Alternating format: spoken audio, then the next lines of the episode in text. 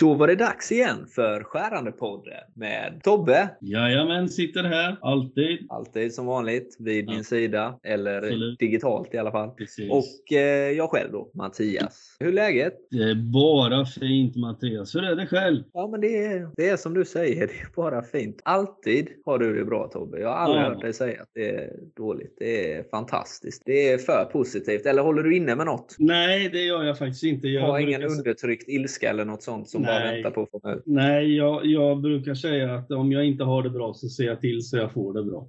Ja, det är rätt. Det är, Ja. Man kan välja mycket saker här i livet. det är faktiskt så. Det behöver inte vara svårare än så. Nej, Precis som eh, spårfräsning som jag har pysslat lite med. det låter. Vad har Visst du gjort det. för spännande nu? Nej, jag har försökt testa prestandan lite på dem. Eh, försökt få till eh, det med våra solida, med spåndelare, skrubbfräs och försökt få till några fina spår. Och det har man lyckats med kan jag säga. Mm. Vad var det för material ni körde i då? Jag testat 355, någon J-variant, jag vet inte vilken det var, men också även lite tuffare som Tolox 44. Jag har kört på lite och se, varit lite orolig till en början där, börjat lite fegt, men sen har man successivt jobbat sig uppåt och till slut så blir man ju rätt imponerad av vad som, av vad som klaras av faktiskt. Mm. Mm. Så det har varit, eh, varit spännande. Vad har du sysslat med? Jag har faktiskt varit för första gången i mitt liv och, tittat på när man svarvar eh, järnvägshjul. Både eh, på en anläggning, både när man kliver in under hela loket och de Mm. kör en så kallad under i golvet svarve som de kallar det i folkmun. Alltså Okej. svarven står i källarvåningen och sen kör man in loket på rälsen och, och lyfter upp ett par rullar som driver hjulen och sen eh, bearbetar man hjulen utan att plocka bort dem från loket så att säga. Ha med hela looket.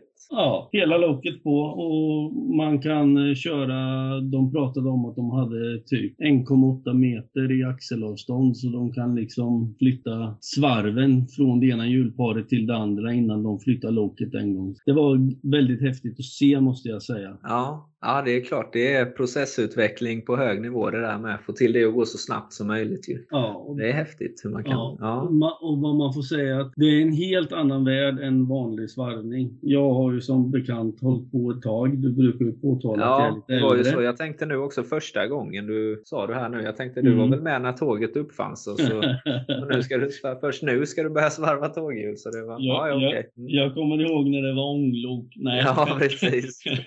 Skä- Skämt åsido. Ja. Nej, men alltså det är som jag sa, det är en helt annan värld. Det är helt andra krafter som är inblandade och andra skärdjup och maskinerna fungerar annorlunda. Vi pratar om en diameter på arbetsstycket som kanske är 1500 millimeter istället för att köra en eh, axel som är 60-70 millimeter i diameter. Så man får ju andra varvtal och andra matningar. Och den första maskinen vi var och tittade på igår, det var ju faktiskt en modern NC-maskin. Den mäter hjulet och sen bearbetar och sen mäter det hjulet igen och kollar om de behöver göra mer. Jajamän. Och det kan vara alla möjliga fel på hjulen. Det kan vara krossskador och de kan ha bromsat så hårt så de har kanat på rälsen och då blir det platt. Ibland smäller det sönder upp till mm, någonstans mellan 8 och 10 skär innan du är nere i sån yta så du kan börja bearbeta på Ja. vettigt sätt. Ja, vi har ju sett nu på nyheterna. Det var någon, eh, något tåg som krockade med någon buss i Göteborg var det va? Mm. Ja, så det händer ju, även om det är ett av de absolut säkraste sätten, så, Mm. så händer det ju lite sådana här saker då och då. Då är det klart, då måste det ju restaureras. Fixas till såklart. En annan liten grej som faktiskt låter väldigt konstig men egentligen är logisk. Det är toleranser och krav på hjulen så att säga när de är färdigbearbetade är högre på godstrafik än på persontrafik. Alltså vara, tåg som transporterar gods. Ja, kraven på de hjulen med mått och toleranser och grejer är hårdare än kraven för tåg med persontrafik. Okej, det här får du nog utveckla lite för det låter Det märkligt. Har det låter- något med vikten att göra eller vad kan det... Ja. Det, det är ju så här att i ett persontåg där har du ju liksom alltså människor som åker och det väger på ett speciellt sätt kanske. Det är lite mera, det är inte lika viktigt med vikter och sådana saker på sådana vagnar. Men på ett godståg däremot så kan du komma upp i fruktansvärda vikter. Jaha. Och när du då får får upp lite farter och, och så här på vagnar och, och, grejer. Om det då börjar att kana och glida för mycket i rälsen så kan det spåra ur. Och ju tyngre saker det är, ju mer krafter det blir ju inblandat. Så därav har de liksom hårdare krav på godstrafiken, på persontrafik. Men det låter ju jättemärkligt att... Ja, till en början gör det det. Men sen blir det ju otroligt logiskt när du mm. förklarar det så här. Som sagt, det är otroliga krafter när man väl har kommit upp i lite fart med. Vad är bromssträckan på? Vad pratar de om? 80 kilometer. Ett, ett vanligt, vanligt tåg 80 kilometer i timmen så är det väl närmare 1,2 kilometer, 1,2 kilometer innan det står helt stilla. Ja. Så man ska väl inte sitta kvar på cykeln om man uh, blir ståendes på en järnvägsövergång mellan bommarna. du, menar, du menar motorcykeln då eller menar du din trampcykel som ja, får nej, men man får, nej, då man kan får, man fundera. Man, man får väl, väl, vi ska väl tänka på miljön så vi pratar väl om vanlig trampcykel här och ja, inte med precis. motorfordon.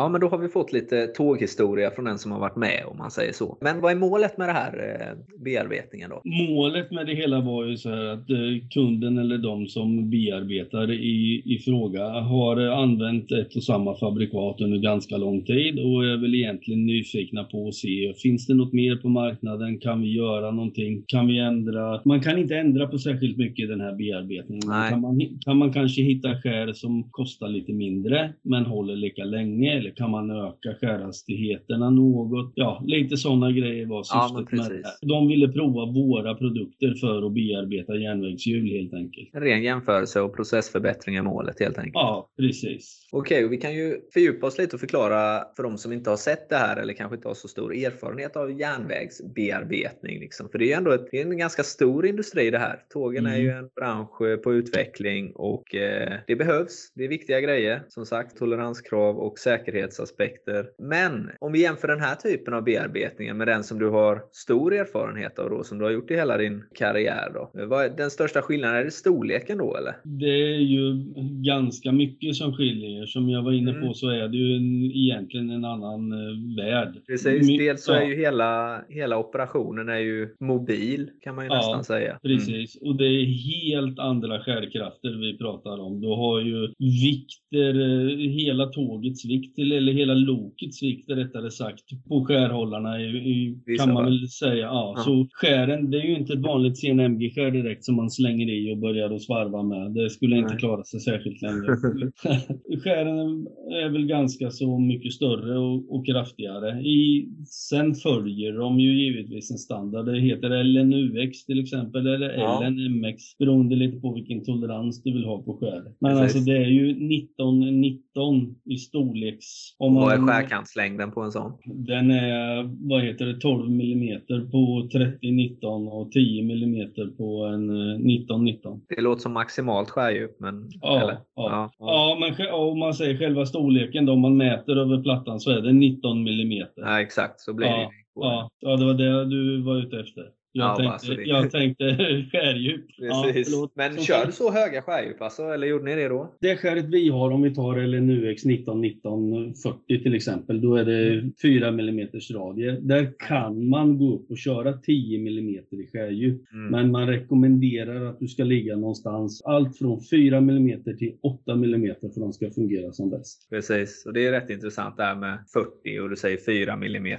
radie. Ja. I normala fall kanske man kör 0,4 radie med vanlig vanlig klassisk varvning om man säger på ett CMG. Ja, nu är det ju tio gånger så stort och det är bara radien. Ja, precis. Och det, och det, är ju en helt annan typ av hållare och en annan typ av skär. Och Oftast så är det så kallade kassetthållare man sätter upp sånt där i. Du har en grundhållare och sen sitter det en mindre del, den så kallade kassetten, som håller själva skäret. För har du en så kallad krossskada eller någonting i eh, järnvägshjulet så kan du alltså, du kan slå sönder skäret direkt. Så fort fort du träffar krossskadan så kan du slå sönder skäret och har du då otur så slår du ju sönder hållaren. Mm. Och skulle alltihop vara i en stor detalj, då får du ju byta allting. Här byter du bara kassetten om den då råkar gå sönder. Och Precis. sen sätter man upp lite nya grejer och så prövar man igen. Och vi var inne lite på skärdjup och sådana grejer. Skärhastigheten blir ju lite annorlunda. Det är ju som, mm, vi har, som vi har varit inne på förut så är det ju periferihastigheten som räknas i skärhastigheten. Och här kör man kanske med allt från från 60 till 80 meter. Och det kanske låter lite lågt, men om man börjar räkna på det när hjulet då kanske 1250 millimeter i, i färdigbearbetad diameter. Så skärhastigheten blir ganska hög i alla fall. Den blir hög i centrum ju, ja. om man säger. Fast nu bearbetar man ju inte så, så långt inåt. Nej, precis. Och ni som vill lyssna mer på och fördjupa lite om järnvägsbearbetning så har vi avsnitt 14 är det va Tobbe? Jajamän, stämmer.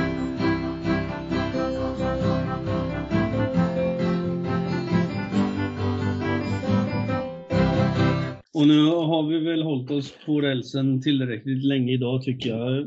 Vi går över till lite spår. Visst nämnde du i början att du hade varit ute och kört det lite nämnde jag. Vi, vi, vi spårar ur från Railway då om man säger. Ja, och, och spårar in på lite spårfräsning då. Var det, Nej, var det möjligtvis någon av de nya fräsarna du var ute och testade? Jo men precis, det var det ju. S765 diameter 10 som jag pressade på lite häromdagen. Mm. Eh, Fyrskärig, spåndelande, hårdmetallprimfräs. Ja, tänkte bara se hur mycket det går att köra med den, om det går att köra allt som det säger utan att den går av. Och det gick eh, fantastiskt bra. Körde ju rent torrt. Inte ens egentligen luftkylning eller luft eh, genom spindeln då, för det hade vi inte möjlighet till där jag körde. Utan vi bara pressade på. Eh, och eh, just designen och geometrierna som eh, kan få väck spånarna och få dem att flyga bort. Det är, ja, det är imponerande grejer alltså, måste jag säga. Så det gick ju att köra liksom 20 mm ingrepp på en 10 mm fräs och göra ett fullt spår där liksom rätt igenom en platta med fantastiskt fin yta. Alla har väl säkert någon gång under sin skärande karriär kört sönder en pinnfräs. Absolut. Hur många har du kört sönder? Jag törs inte börja räkna på det ens. Det har gått sönder mer än vad det ska göra tror jag. Ja. Men mycket av ren nyfikenhet, precis som du var inne på. Man kör tills, var är gränsen någonstans? Och till slut precis. smäller de ju av. Liksom. Ja, man, man stannar inte utan man fortsätter testa och så. När man börjar med något nytt, då blir man ju automatiskt lite försiktig sådär. Man börjar lite lågt och sen pressar man upp det och till slut så ligger man liksom lite över rekommenderat värden och det går så mm. tyst och fint. Och då blir man självsäker. Och så testar man på lite mer och helt plötsligt smäller det. Ja, precis. Men det handlar ju om att pressa gränser och sådär va? Det är ju som vi har varit inne på så många gånger. Det hänger ju precis på vad du har för maskin och uppspänning och ja, och allting också. Hur mycket du kan pressa. Precis. Men eh, det är alltid bra att börja lite försiktigt och sen så tar man upp det tills det låter bra, tills det går mjukt och man ser att det är koll på spånarna och ytan är fin. För då kan de gå hur länge som helst. Alltså. Ja, det, ja. det finns inget stopp på dem. Det är riktigt kul. Och när biten är sval och spåret är fint, då är det, då är det helg. Då, då leker livet. Ja. Nej, men det är kul att komma igång och få lite praktiskt eh, att göra nu. Eh, det börjar väl släppa lite. Och du, med tanke på din ålder och sådana grejer, du har väl fått eh, vaccinet nu, eller hur? Nej, inte än riktigt. Nej, du var inte med i den. Jag trodde du var steg ett där nästan. Ja, nej, man kan tro det. Man kan tro det. Men jag har faktiskt, jag, jag har inte fått något vaccin än. Nej, inget planerat heller? Nej, nej. Och med, med tanke på eh, Hens sätt idag så har du väl inte fått något vaccin vaccin överhuvudtaget. eller bara fel vaccin. ja, antagligen. Felvaccinerad. Ja. Nej, vi väntar och vi väntar tålmodigt, men det kommer nog. Ja. Men som sagt, det börjar lätta lite på vissa ställen och ja, man kommer in på fler ställen. Ja, jag tycker det Självklart är ganska... genomför vi ju de här grejerna med eh, största möjliga säkerhet. Ja, man är ju försiktig på ett helt annat sätt än vad man har varit förut. Alltså man håller avstånd och man ja. pratar med kunderna dagen innan och kollar så det inte är några nya fall som har uppstått och sånt. Exakt, så är det. Ja. Men då hoppas vi att vi får ösa på nu kommande vecka och så har vi något nytt att köta om nästa gång. Absolut, det hoppas vi på. Det hoppas vi verkligen på. Tack för idag Tobbe. Tack för idag Mattias. Stort tack till er som har lyssnat. Vi hörs ja. nästa gång. Hej då! Hej då!